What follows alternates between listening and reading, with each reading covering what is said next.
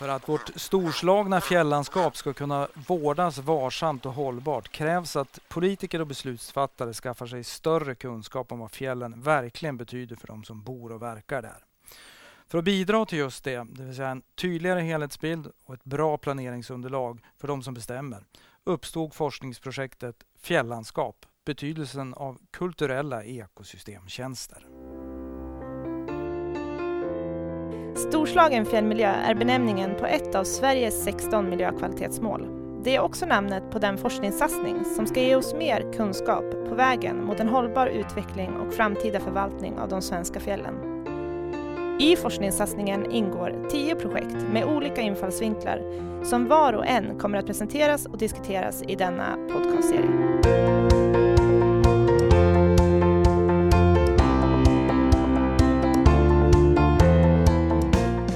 Hej och välkommen till det här samtalet om vår storslagna fjällmiljö. En miljö som är föremål för en forskningssatsning som heter just Storslagen fjällmiljö. Jag sitter här med Ingegerd Eliasson som varit ansvarig för forskningen i ett av de tio projekten som ingår i den här satsningen och som handlar om fjälllandskapet som kulturlandskap. Är jag rätt ute där? Ingegärd? Ja, det stämmer bra. Vi har försökt lyfta frågan om kulturmiljön i fjällen eh, och Eh, vi tänker att eh, fjällen ofta handlar om natur men eh, det finns ju en väldigt stark koppling till kulturmiljön och människor har levt och verkat i fjällen under många tusentals år. Bra, du ska få återkomma till att utveckla och förklara vad kultur är i det här sammanhanget. Absolut. Men jag ska också säga välkommen till eh, Sandra Landén som eh, bland annat är företagare inom naturturism kan man väl säga. Va? Va, vad är det du driver för företag, Sandra? Ja, jag driver ett eh, företag där jag vill hjälpa turoperatörer och agenter utifrån, utanför Sveriges gränser, att komma i kontakt med det kulturella som vi har i vår fjällvärld när de utövar aktiviteter i området. Och sen vill jag även eh, hjälpa gästerna på plats att ta del av det mjuka värdet runt omkring i aktiviteterna i. Och om du ska vara konkret, vad kan det vara? Ja, men låt säga man är ute och cyklar så är det inte bara att man cyklar utan man också blir medveten om vilken typ av landskap man rör sig i vad det gäller kultur och historia och vad man kan ta del av helt enkelt. Så de här kontakterna som du förmedlar, vad, vad är det för typ av kontakter? Eh, ja, jag är då så att säga mellanhanden mellan gästen och själva näringsidkaren, kan man säga så? Företagaren som kan förmedla den här tjänsten. Vad kan det vara för företagare? Ja, men en eh, renskötande same till exempel som har eh, tama renar hemma på gården. Att jag ser till att vi kommer dit och de får se en ren på nära håll och kanske mata och få ta del av kultur och historia som man förmedlar genom att bara möta den här personen mm. i fråga. Bra. Hej, också säger vi till Eva Karlsson som jobbar på Länsstyrelsen i Jämtland. Eh, berätta, vad, vad gör du där? Eh, ja, Länsstyrelsen jobbar ju ute i länet som statens förlängda arm och jag jobbar ju med kulturmiljöerna. Då. Eh, och det kan vara fornlämningar och det kan vara gamla byggnader och sådana saker men även kulturlandskapet. Då. Och vi vårdar men även vill, ju, vill vi att man ska utveckla kulturmiljöerna så att inte bara skydda och eh, bevara dem. Mm. Tack för det. Och jag heter Thomas Hagström.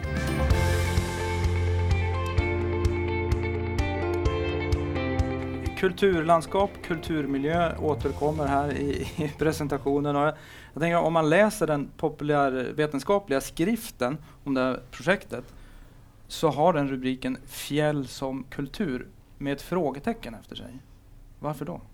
Ja, vi, vi satt och spånade i projektgruppen vad vi skulle kalla den här skriften och vi tänkte att nu ska vi försöka vara lite provokativa.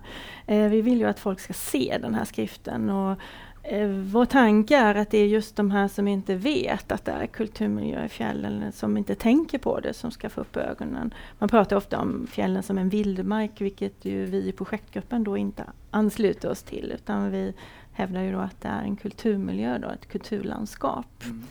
Eh, och eh, ja, det är ju intressant att du uppmärksammar frågetecknet i alla fall. Då. Ja. Jag kanske blev provocerad.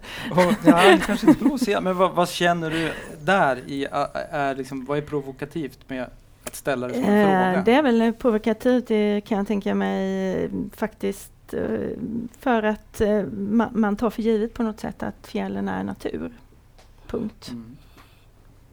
Och om du ska ge dig in i att definiera eh, begreppet kultur i det här sammanhanget som projektledare va, va, och som forskare, va, vad säger du då?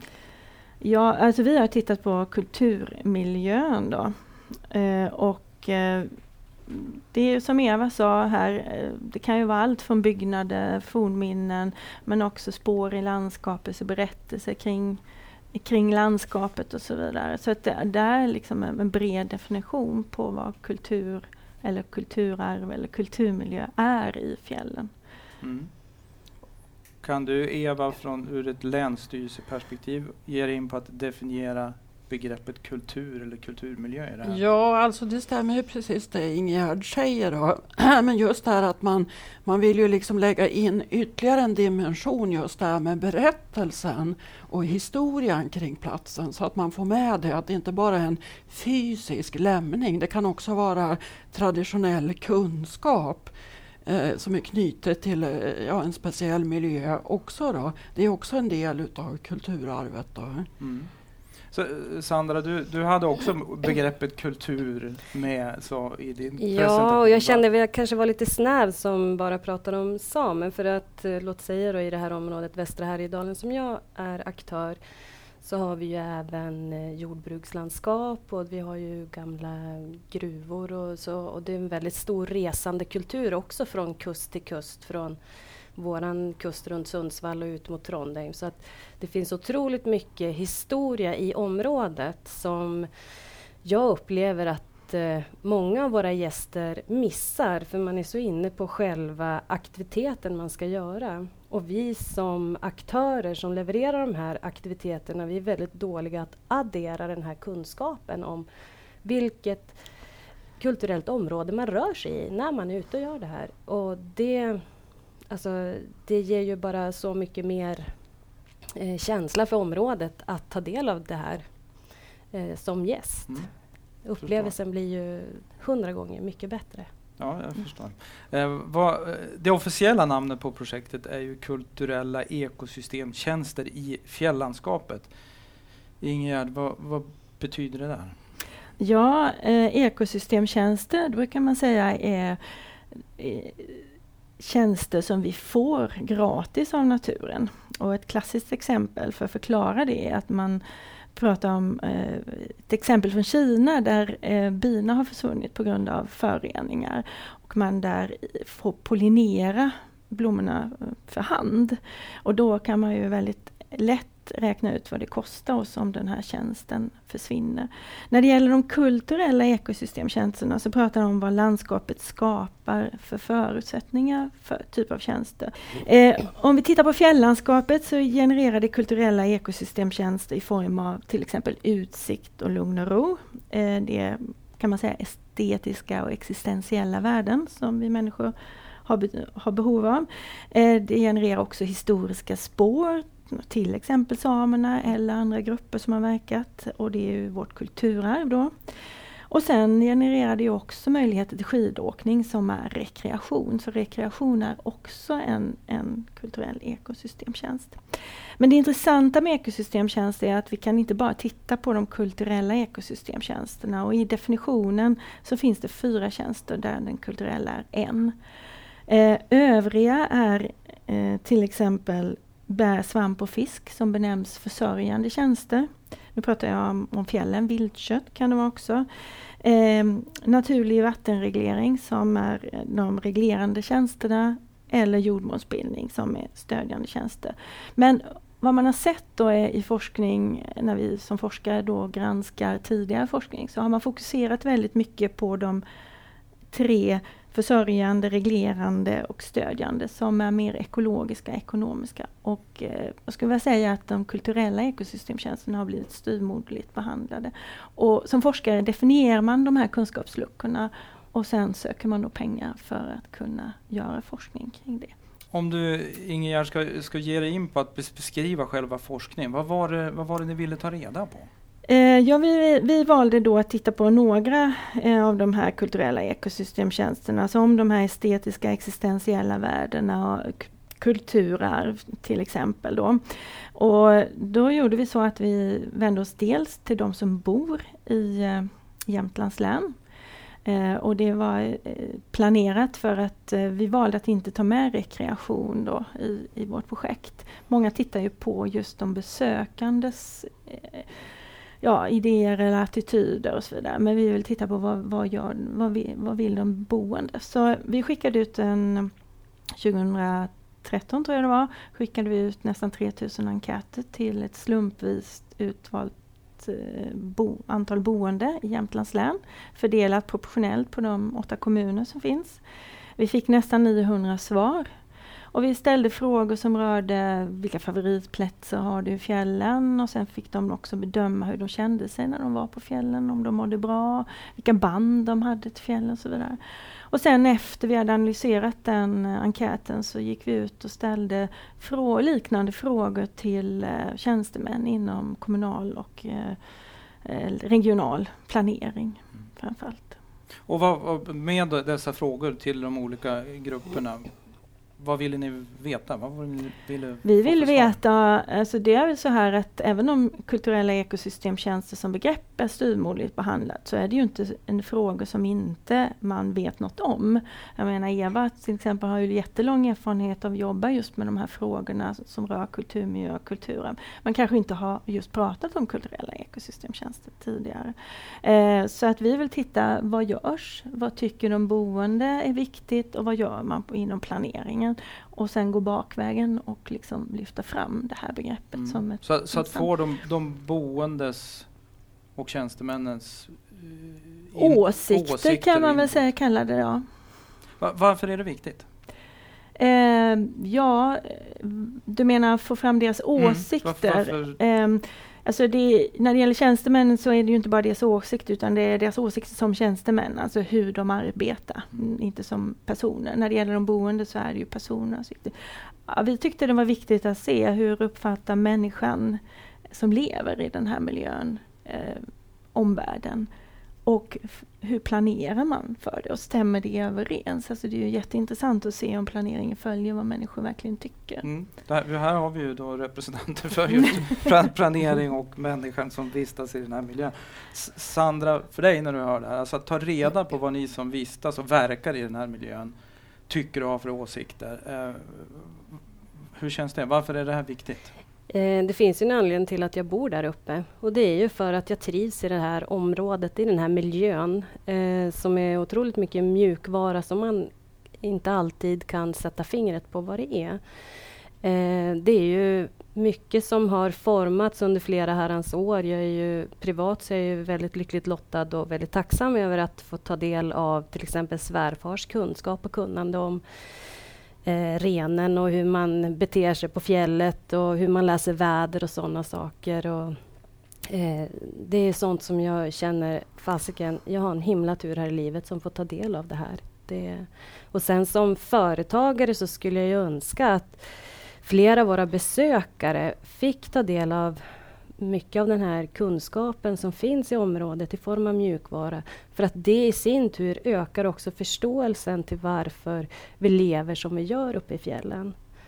Eh, och det tror jag också skulle råda bot på kanske en del konflikter när man har rekreationen i form av låt säga skidåkning och ställs mot den näring som bedrivs i området. Att det kanske inte alltid djur och eh, rekreation pratar samma, samma språk.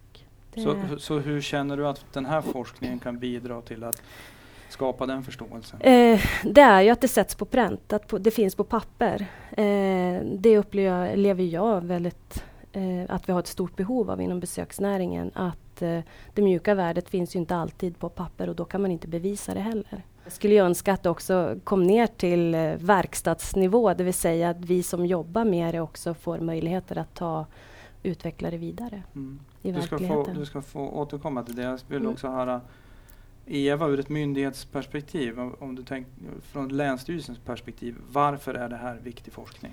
Uh, ja, jag tycker att uh, från början så var det lite komplicerat tyckte jag det här med, med begreppet ekolog, kulturella ekosystemtjänster och så. Vi hade ganska mycket diskussioner kring det men med resultatet i handen så känns det som att, att vi faktiskt landar. Vi kunde liksom hitta någon sorts gemensam plattform. Vad pratar vi om? Vad menar vi egentligen när vi använder det här begreppet? Och, och det känns oerhört eh, bra att vi faktiskt kunde definiera det på ett bra sätt och på ett förståeligt sätt också.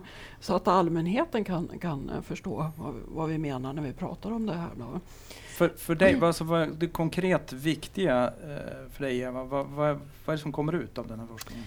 Eh, ja, sen är det ju så att vi får ju lite leg legitimitet i och med att man har gjort de här eh, enkätundersökningarna och frågat eh, medborgarna ute i länet vad de egentligen tycker.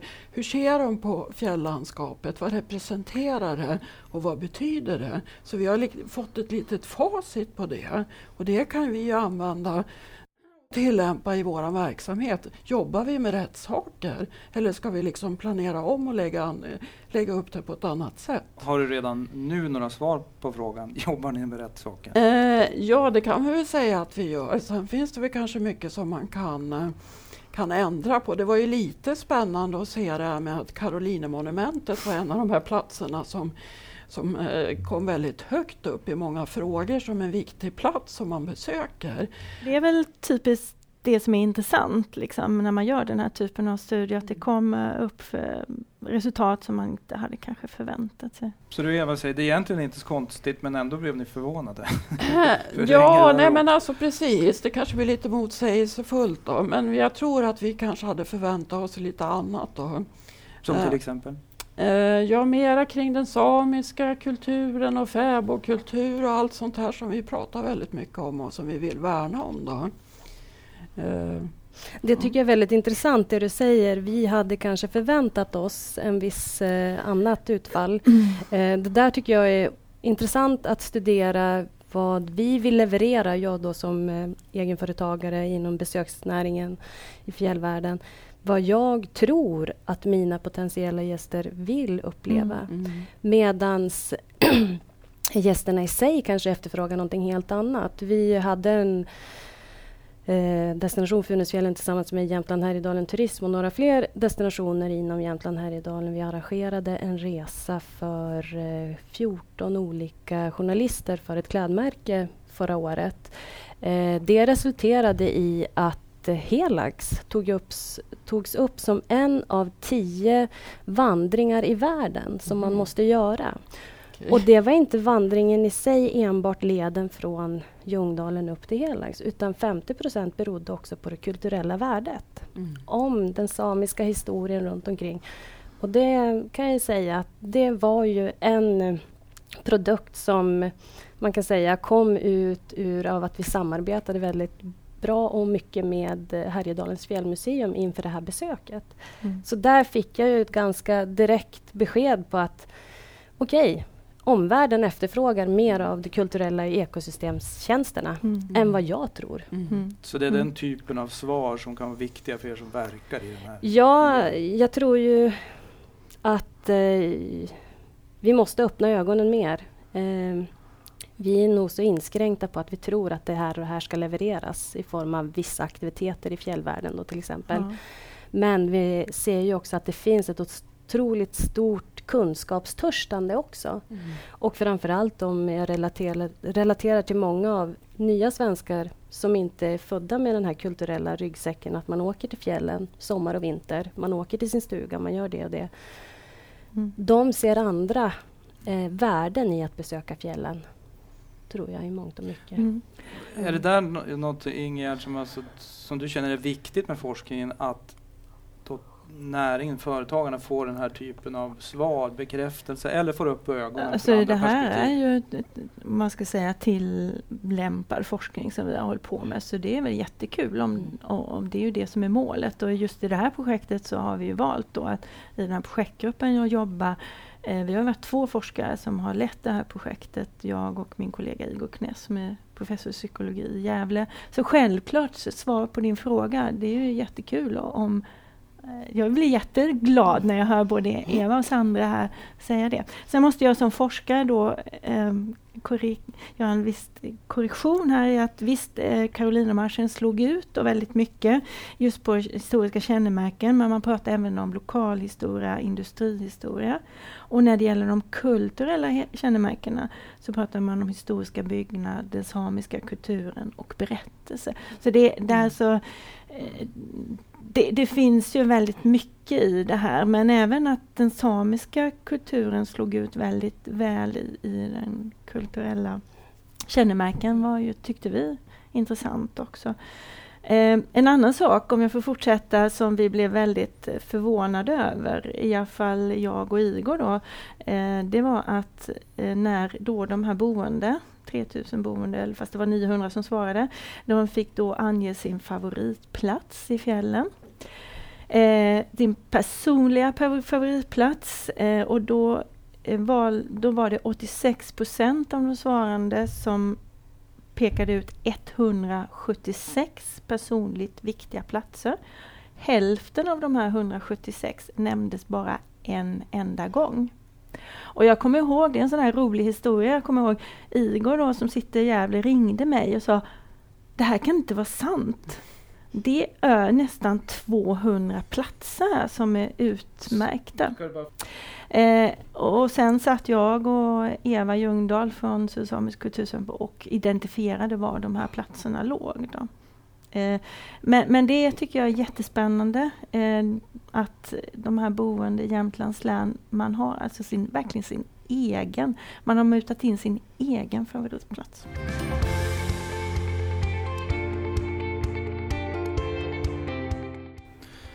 När vi kommer in på det måste ju frågan ställas. Vad har du själv för relation som forskare till fjäll, fjällen? Som forskare har jag egentligen bara den relationen som jag har haft i det här projektet men som privatperson så är jag en väldigt sån här fan av svenska fjällen. Jag besökte svenska fjällen första gången i 20-årsåldern och blev helt tagen. Eh, jag är professor i naturgeografi och som sådan måste man liksom se många olika landskap men det är inget som slår den svenska fjällvärlden. Vad var det som drabbade dig, som tog dig? Eh, ja, ja, får jag gå tillbaks 300 år till eh, Carl von Linné som då säger, så snart jag kom på fjällen fick jag liksom nytt liv och var så som en tung börda tagen av mig. Jag tycker det stämmer väldigt bra. I, det funkar en, idag? Det funkar. Jag besöker fjällen, speciellt då faktiskt eh, Funäsdalen och Närlingen fjäll varje sommar. Så det är man, höjdpunkten. För det, ja, jag tänkte fråga dig, har, du någon, har du också någon sån där utpekad ja, Jag har väl plats? några fjällplatser där, några då. Det är Som svårt att välja. Säga, jo, då. Nej, det gör jag definitivt inte. Men eh, det, det här Arnofjället eh, tycker jag är väldigt trevligt. Och sen finns det ju, ja det finns många vandringsleder och eh, inte bara fjälltoppar som är, är liksom trevliga runt omkring där, Funäsdalen, Tänndalen, in i Norge och så vidare. Och jag tycker liksom, det spelar ingen roll om det regnar eller om det är sol, det är liksom helt fantastiskt ändå. Det så är där, verkligen så. Det där ja. gamla begreppet, det finns inget dåligt väder, bara dåliga kläder, det håller i det här sammanhanget. Ja, man bryr sig inte liksom om det. Ja, det är väl ett, jag kan tänka mig Sandra som, som då näringsidkare i området. Det är väl ett perfekt svar från Ingegerd. Det är sånt du vill höra? Ja, visst är det det. Men jag har ju full förståelse för det också. Absolut. Det är ju det finns ju en anledning till att det är väldigt många unga familjer som flyttar upp till oss för att man har en önskan om ett visst sätt att leva och det får man ju uppleva i de här fjällen. Det är ju väldigt lättillgängliga fjäll mm. och eh, stor sinnesro inträder när man sätter foten ut och börjar vandra upp över.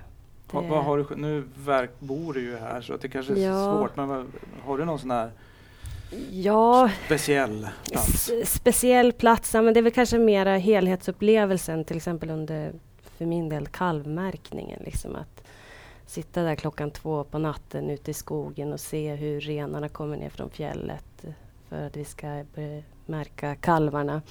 Och att det är alldeles ljust ute. Och, nej, det är helt underbart. Då, då finns inte omvärlden. Det, det behövs i dagens stressade samhälle. Ja, verkligen. Eva, vad, vad har du för relation till fjällvärlden? Eh, ja, jag har ju bott i Jämtland sedan 78 då. Jag kommer söderifrån då, men jag vart ju förälskad i, i länet då, och fjäll, fjälllandskapet kanske framför allt. Då. Och eh, jag har haft förmånen i mitt jobb att få möta människor på en gård eh, som ligger i väglöst land. Det heter Lillarjöbygget. Då. Och eh, de här människorna som bor och lever på den här gården är fantastiska och väldigt ödmjuka. Och de lever i samklang med naturen på ett sätt som är unikt idag. Det är kunskaper också hur man lever och använder och brukar naturen i samspel naturligtvis med, med människorna. Då. Så, att, eh, ja, så jag är oerhört eh, glad att jag fått eh, möta dem här i mitt jobb. Då. Hörrni, vi har också en fråga från en annan person som är eh, verksam i fjällvärlden. Vi lyssnar på det.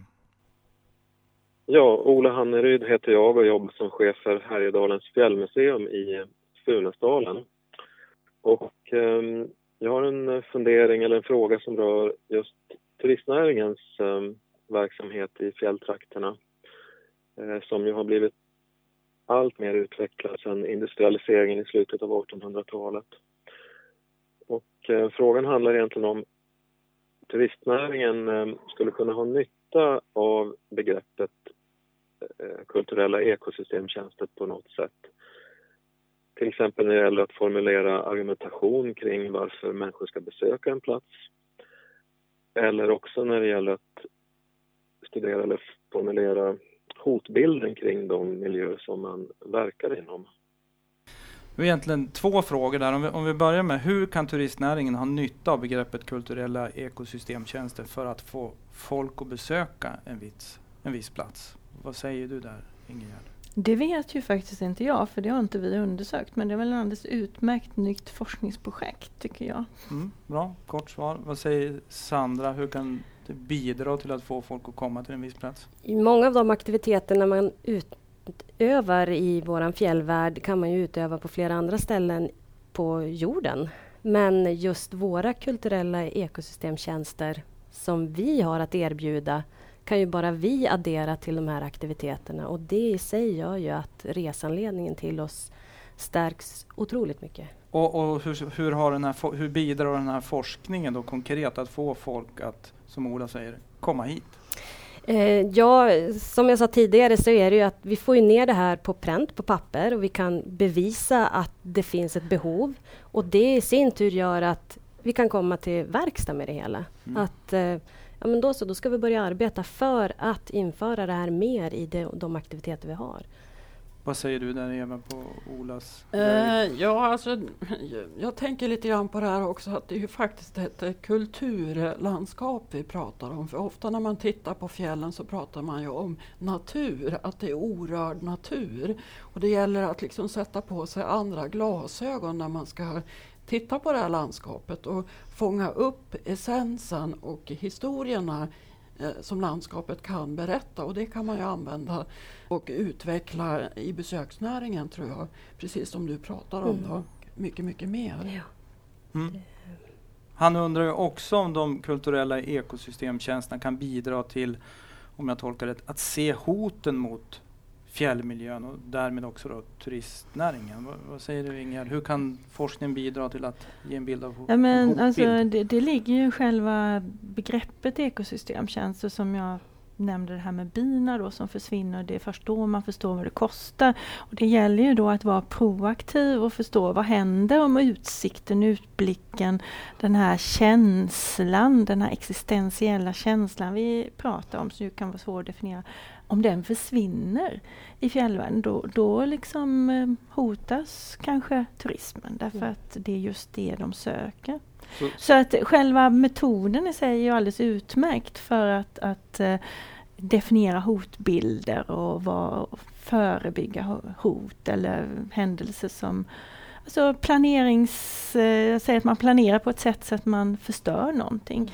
Det, det är ju hela tiden, planering handlar ju om att väga olika saker eh, gentemot varandra och det här kan vara ett sätt att väga kulturella delen men också de andra delarna i, och få mm. ett helhetsperspektiv. Då. Som, som planerare, Eva, vad, bidrar det här till att få en bild av hotet mot den här miljön? Eh, ja, alltså jag jobbar ju kanske inte direkt med planering men det gör man ju ute i kommunerna där man tar fram olika planunderlag.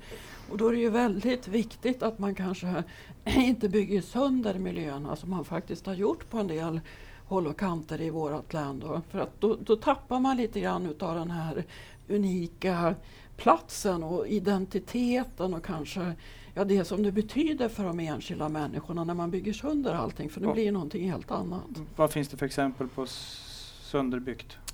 Ja, jag kanske inte ska säga det, men, men Åre till exempel är ju en sån by som var en liten eh, fjällby från början som det är väldigt, väldigt lite kvar utav idag. Och det är klart att man måste ju tolerera också att man, man bygger och man utvecklar och förändrar en kulturmiljö.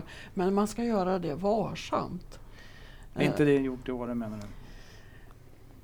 Man kanske kunde ha tagit lite mera hänsyn till, eh, till de värden som finns där. Mm, mm, mm. Eh, Det är, det är ju ett riksintresse för kulturmiljö men vi måste ju faktiskt titta på, på den här beskrivningen och kanske skriva om den för det, det uttrycket som finns i riksintresset det finns inte kvar längre. Mm. Så att det, Men det, jag, om jag flikar in där, just att den här typen av metod där man väger olika saker gentemot varandra. Om man inte förstår att kulturmiljön är viktig, då kanske det är andra intressen som, som ligger starkare. Och, och det bästa är om man kan väga de sakerna mot varandra och få någonting som är bra för alla. Då. För man kan, det finns ju exempel på just eh, turism där man har internationellt, där man har byggt eh, platser som man har byggt sönder och sen så försvinner turisterna. inte- Det är intressant det du säger för att jag är lite av den åsikten, eller jag är av den åsikten att eh, allt är inte till salu. Eh, för att vi ska kunna ha en hållbar utveckling av besöksnäringen så måste vi också se till att ja, men, vi kan inte utarma vissa kulturella eh, besöksområden och så bara för att det går att tjäna pengar. En hållbar utveckling är att ja, men vi kanske ska minimera besökarantalet Mm. så att det är kanske max 10 personer per dag som besöker det här området eller så. Eh, Och inte 100 personer, för vi människor vi sätter ju våra spår i fjällvärlden. Och jag tänkte på det här att formulera hotbilder kring de miljöer som vi verkar inom, som Ola beskriver här. Så min tanke är, ja, vi som jobbar och bor och vistas i fjällen då i det här fallet. Eh, Vi känner till eh, områden, vi vet hur vädret fungerar, vi har koll på naturen och så.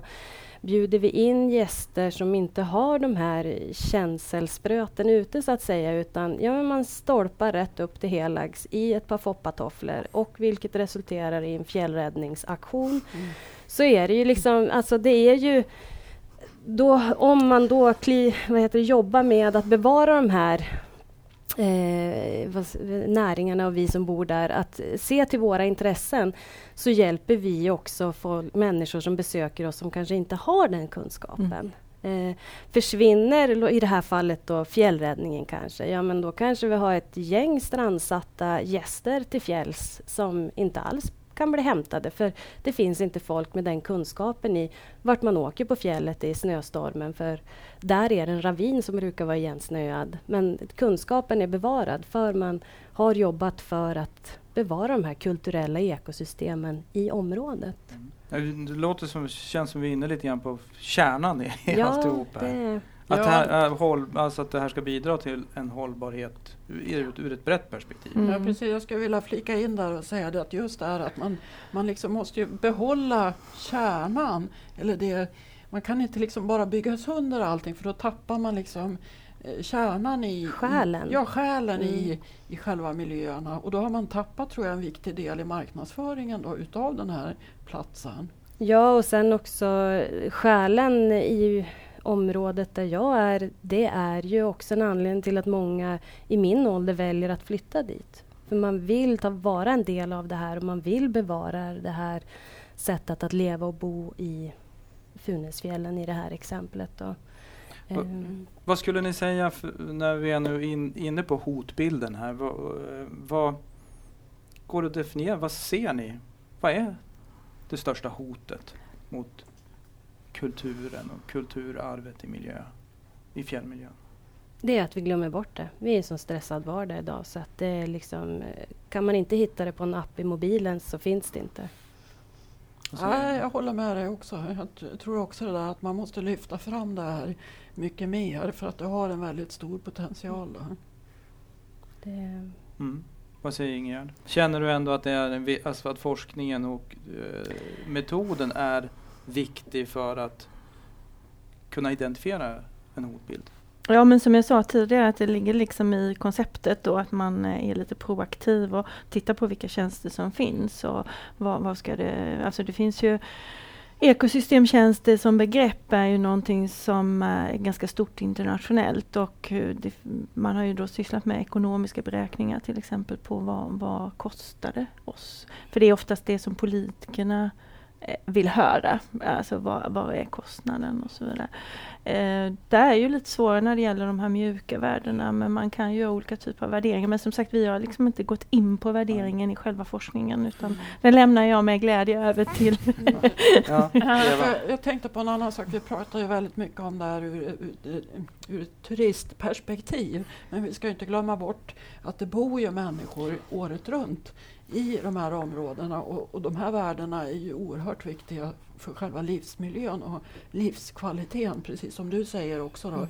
att människor väljer att flytta till de här områdena och det gör man ju av en speciell anledning. Då. Och då ska mm. vi ju inte bygga sönder det och förstöra allt det som är attraktivt. Och samtidigt, för det ligger väl en, en eh, ja det är inte helt okomplicerat där, för det ligger naturligtvis intresse för Sandra och andra ja. näringsidkare att locka folk också. Visst, och det är den där balansgången som mm. är så svår att hitta tror jag. Jag vet inte vad du säger. Jo, det är absolut. Eh, som sagt, vi kan ju inte leva på vatten och luft Nej. hur länge utan tyvärr är ju dagens samhälle uppbyggt på att man tjänar pengar och kan betala sina räkningar. Eh, tyvärr. Jag, ja, tyvärr. alltså för, som sagt var, jag eh, har möjligheten att ha mina hästar hos ett äldre par och eh, mannen i familjen där är över 80 år och eh, nu när vi skulle till att slå hö och det var väldigt dålig sommar så sa han bara lugn Sandra, lugn. Du vet 50 år sedan var det samma typ av väder. Det här går i cykler. Det har jag skrivit ner i min dagbok.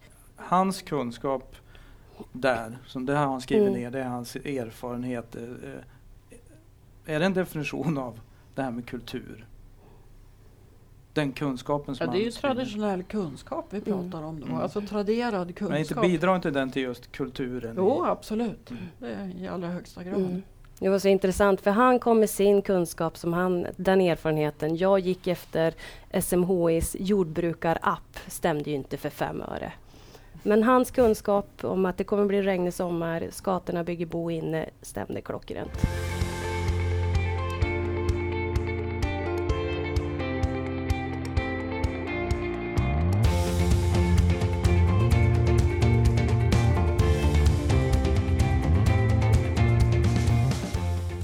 Jag tror att det kulturella ekosystemet det ger oss en möjlighet till att vara mer närvarande i aktiviteten och uppmanar oss också till eftertanke om plats, aktivitet och historia. Och det där är mycket viktigt mm. för mm. vår fortsättning. Mm. Ingegärd, om man, om man tittar då på forskningen och resultaten? Mm. Går det att, att, säga, peka ut, det här är det viktigaste vi kom ja, det fram kan till? Man väl göra. Jag, jag, vill bara liksom flika in att nu pratar vi ganska mycket om turism och jag förstår att det är en viktig näring och du jobbar med det och så. Men eh, vi har ju alltså inte studerat turismen. Men jag kan tycka att det kan vara intressant nästa steg. Då. Vad vi har tittat på är de boende som Eva säger och, och de tycker jag också är väldigt viktiga, eller viktigast egentligen för det är de som utgör mm. förutsättningen mm för turismen om man säger så. Eh, det viktigaste resultatet i den här studien skulle jag vilja säga att vi har varit, det har varit möjligt för oss och eh, väldigt eh, på ett statistiskt säkerhetsställa sambandet mellan välbefinnande och plats. Så att eh, de boende fick ju då peka ut sina favoritplatser och så frågade vi dem frågade om vilka, hur de kände sig när de var där, vad de hade för band. Alltså det här var ju psykologi då, så det är ju inte bara vilka frågor som helst utan följer ett visst mönster. Och eh, vi kunde då, vi kan alltså nu visa då att det är ett, ett väldigt starkt samband mellan den plats du befinner dig, din favoritplats och det välbefinnande du känner där. Och eh, det här är ju då ett bidrag inom vårt projekt bidrar då med den här kunskapen. Eh, och det intressanta är ju då att om andra forskningsprojekt också gör det så, så får man en ökad tyngd i det här sambandet. Och det är också någonting som man på FN-nivå har uppmärksammat när man tar fram, tog fram det här eh, metoden. Eh, att man ser ett samband mellan välbefinnande och ekosystemtjänster. Så att det är vi väldigt, väldigt nöjda med faktiskt, att vi kunde få fram det. Hur känner du Eva att, att eh, från myndighetshåll, hur har planeringen, eh, hur kan det här bidra konkret? Till er eh, ja, eftersom det pågår ju mm, arbete med, med, ute i kommunerna att ta fram sådana här kulturmiljöprogram. Då. Och då kan ju faktiskt det här vara viktig, viktigt att lyfta det här så att man får med kulturmiljöerna och lyfta dem i eh, planarbetet då, på ett sätt som man kanske inte har gjort tidigare. Sen är det ju så att vi har ju åtta kommuner och de har små resurser, de är ganska begränsade då, så att man kan inte ha jättestora förväntningar men man kan, kan liksom ha, ha med det här i sitt eh, planeringsunderlag på ett annat sätt i fortsättningen. Då. Sen tycker jag då för, för mig personligen som jobbar på Länsstyrelsen så har ju den här eh, forskningen ett jättebra Eh, eller tillfört eh, bra kunskap, då, för, som jag sa kanske tidigare också, just där utifrån att, att vi får lite bekräftat att vi jobbar med rätt saker. Mm. Men när du säger planeringsunderlag, vad ha, handlar det om det vi var inne på tidigare? Att man till exempel Ska, ja, hur man ska bygga, planera. Ja, och vårda varsamt och bygga varsamt ja, och inte precis, bygga sönder. och hur man bygger, hur man utformar nybyggnationer. Och Ingegärd, de, de viktigaste svaren du fick från tjänstemannahåll, vad, vad kan du se där?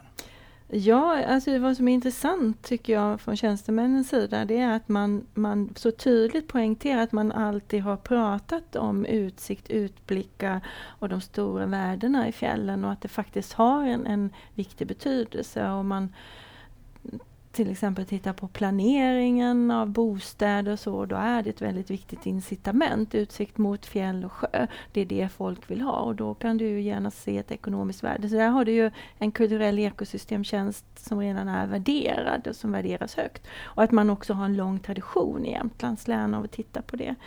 Eh, när det gäller de här frågorna om, om att eh, till exempel jämföra med boendeenkäten där man då mår bra av att vara i fjällen så är det ju något som tjänstemännen är väl förtrogna med. Om man pratar om att de boende har hemmafjäll och det stämmer ju väl med det här som vi såg att det var så många som hade sin egen plats i fjällen. Eh, och man pratar väldigt mycket om byggnader, fornminnen och så vidare. Däremot så när man pratar med tjänstemännen så är de lite mer tveksamma till eller säger att de inte riktigt har tid att jobba med berättelser eh, om platser till exempel och, och identitet och, och, kollektivt minne och de här liksom väldigt mjuka frågorna som... De har inte riktigt eh, tid med det? Alltså tid är väl inte kanske utan man kan väl säga att de de säger att de önskar att de hade mer tid och hade mer möjlighet att titta på de här frågorna. Om det beror på att de saknar kunskap eller om de har kunskap men verkligen inte har tid, det, det kan inte jag riktigt bedöma för de, jag har inte ställt den liksom, analysen av deras... Vi har inte ska, gjort den analysen. Ska vi höra med tjänstemannen? Ja, jag tänker Eva kanske har någon Ja, synpunkt. alltså nu kan jag svara utifrån ett länsstyrelseperspektiv då. Och vi eh, jobbar ju faktiskt med de här mjuka frågorna ganska mycket. Vi har haft sådana här stora nationella satsningar där man har jobbat med något som heter kaleidoskop och där man har försökt lyfta nya berättelser, nya perspektiv. Och så, så, jag tycker att man faktiskt har blivit mycket, mycket bättre de senaste åren på att göra det. Men det finns säkert mycket mer att jobba vidare. Men det är ju ur ett länsstyrelseperspektiv mm, mm. och det ser helt annorlunda ut för tjänstemännen på kommunerna. Ja. För dels har de ju inte eh, kulturmiljö, de är inte utbildade inom kulturmiljösektorn, de har en annan bakgrund. Så att de har inte har inte den kunskapen kanske riktigt heller nej, att se nej. det här. Att, alltså, jag uppfattar det som att de här berättelse, identitet och den, de frågorna. De har ju, och, och, landskapet som helhet, det har ju väckts genom till exempel Europeiska landskapskonventionen som har varit ett arbete som har bedrivits och som förankrat i länsstyrelserna och så. Och jag kände när jag, vi intervjuade tjänstemän att de är väl medvetna om att de här sakerna är viktiga. Eh, jag måste säga det också att i, när det gäller så små kommuner som det gör i Jämtlands län där man kanske förutom Östersund och ligger på runt 10 000 invånare, då har ju tjänstemännen en ganska tuff situation. Mm. Och det är ju många, många frågor man måste ta hänsyn till som man enligt lag är, är tvungen ja. att ta hänsyn till. Och, och då är det ju tyvärr så att kulturmiljön är en liten del ja, av det. Eh, men jag tyckte Eh, vi, vi, vi, gjorde så när vi intervjuade tjänstemännen att vi bad dem plocka fram eh, ett projekt eller en plan eller något sånt så, eh, som vi kunde sitta och diskutera runt och som var ett bra exempel där kulturmiljön var med eller ett dåligt exempel. Och vi har sett exempel på många sådana fall där man verkligen har tittat till sig berättelser till exempel. Men också i många fall där man inte har gjort det men man hela tiden uttrycker att man skulle vilja göra det. Då.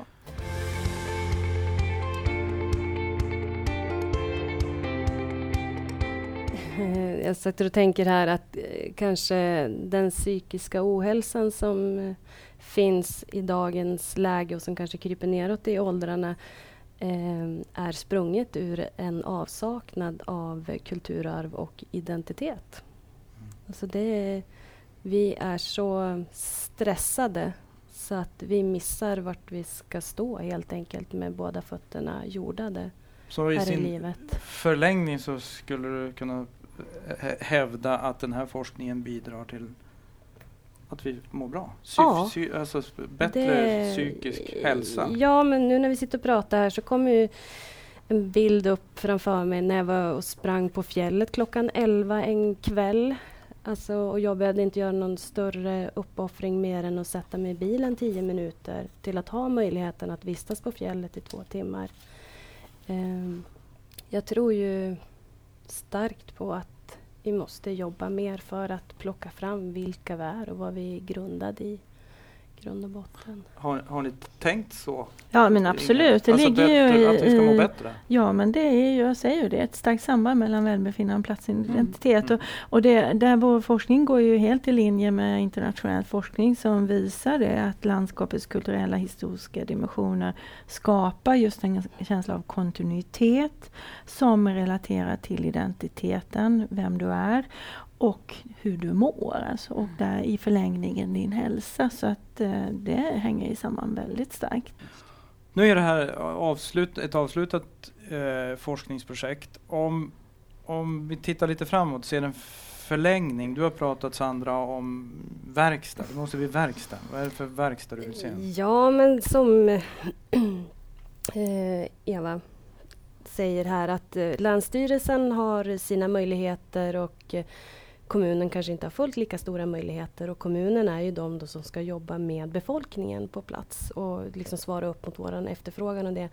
Eh, jag skulle önska att det blir en verkstad mellan eh, kommunen och eh, vi ortsbefolkning som bor där och att vi gemensamt jobbar, att vi är lyhörda mot varandra och jobbar för att lyfta det här mer och, så att det blir starkare i området, att vi känner att ja, men, det här är ju den miljön jag vill lev fortsätta leva i och vi vårdar den väl. Men finns inte pengarna så är det ju svårt för kommunen att ta till sig det. För jag förstår att kommunerna har ju, eh, vad säger man, eldar att släcka som måste släckas på en gång och då för, ja, då kommer det här i andra, tredje hand för att det är inte något som är kritiskt just här och nu. Men i det långa loppet så kommer det att kanske utarma våran fjällvärld för att man tappar det innehållsrika värdet av att bo där uppe. Hur ser du Eva på, på det här samarbetet och, och med liksom konkreta verkstaden? Som, som eh, nej, men jag tror också på det här med goda exempel, att lyfta liksom goda exempel och kanske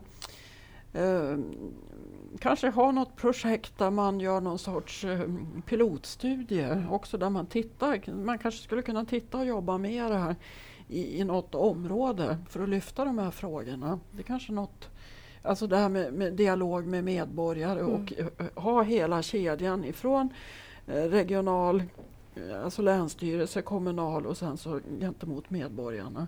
Kanske ha något litet pilot, pilotprojekt. Ja, Ehm. projekt är all ära men verkligheten, vi vet ju att det är det här vi vill.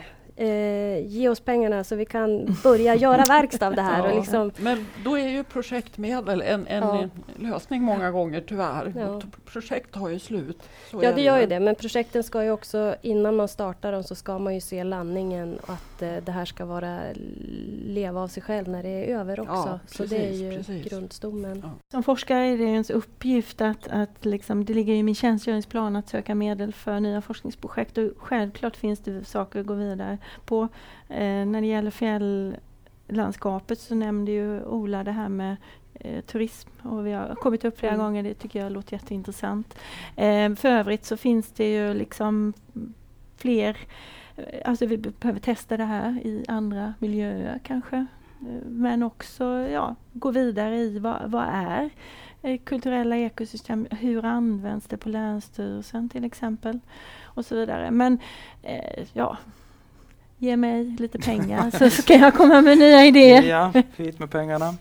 Ja, men bra. Uh, men om vi återvänder avslutningsvis till det vi startade med, nämligen frågan fjällen som kultur? Frågetecken. Det är kanske att slå in öppna dörrar nu, men är fjälllandskapet kultur? Kan du räta ut frågetecknet? Ja, Inga- alltså vi, vi har ju lagt upp den här skriften på det sättet så att i slutsatsen så, så skriver vi inledningsvis ställde vi oss den här frågan då och utifrån våra resultat så är svaret ja. Fjäll är kultur och det var väl kanske något vi visste från början men jag menar det, jag tror mycket på, du pratar om goda exempel. Jag känner det är jättebra att hålla dialogen levande kring de här frågorna. Ett forskningsprojekt som det här kan hjälpa till att hålla dialogen vidare. Men sen behöver man ju fortsätta prata om det. Då. Sandra, är fjäll kultur? Absolut. Eva? Ja, det är självklart. Det är självklart. That's life. Dum fråga. Ja, precis. Men då kan vi sätta, eh, då skulle man väl kunna sätta ett utropstecken där istället? Ja, och det gjorde vi faktiskt också I här i skriften. Ja, besluta, sista fjäll är kultur. Utropstecken.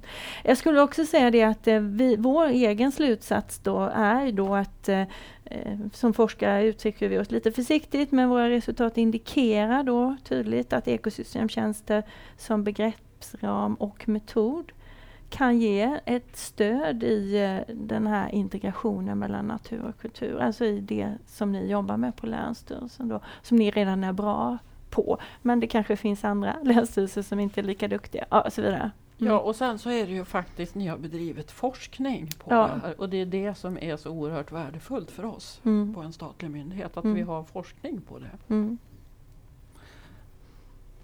Tack alla tre för detta samtal. Tack. Forskningen för Storslagen fjällmiljö finansieras av Naturvårdsverket i samverkan med Riksantikvarieämbetet.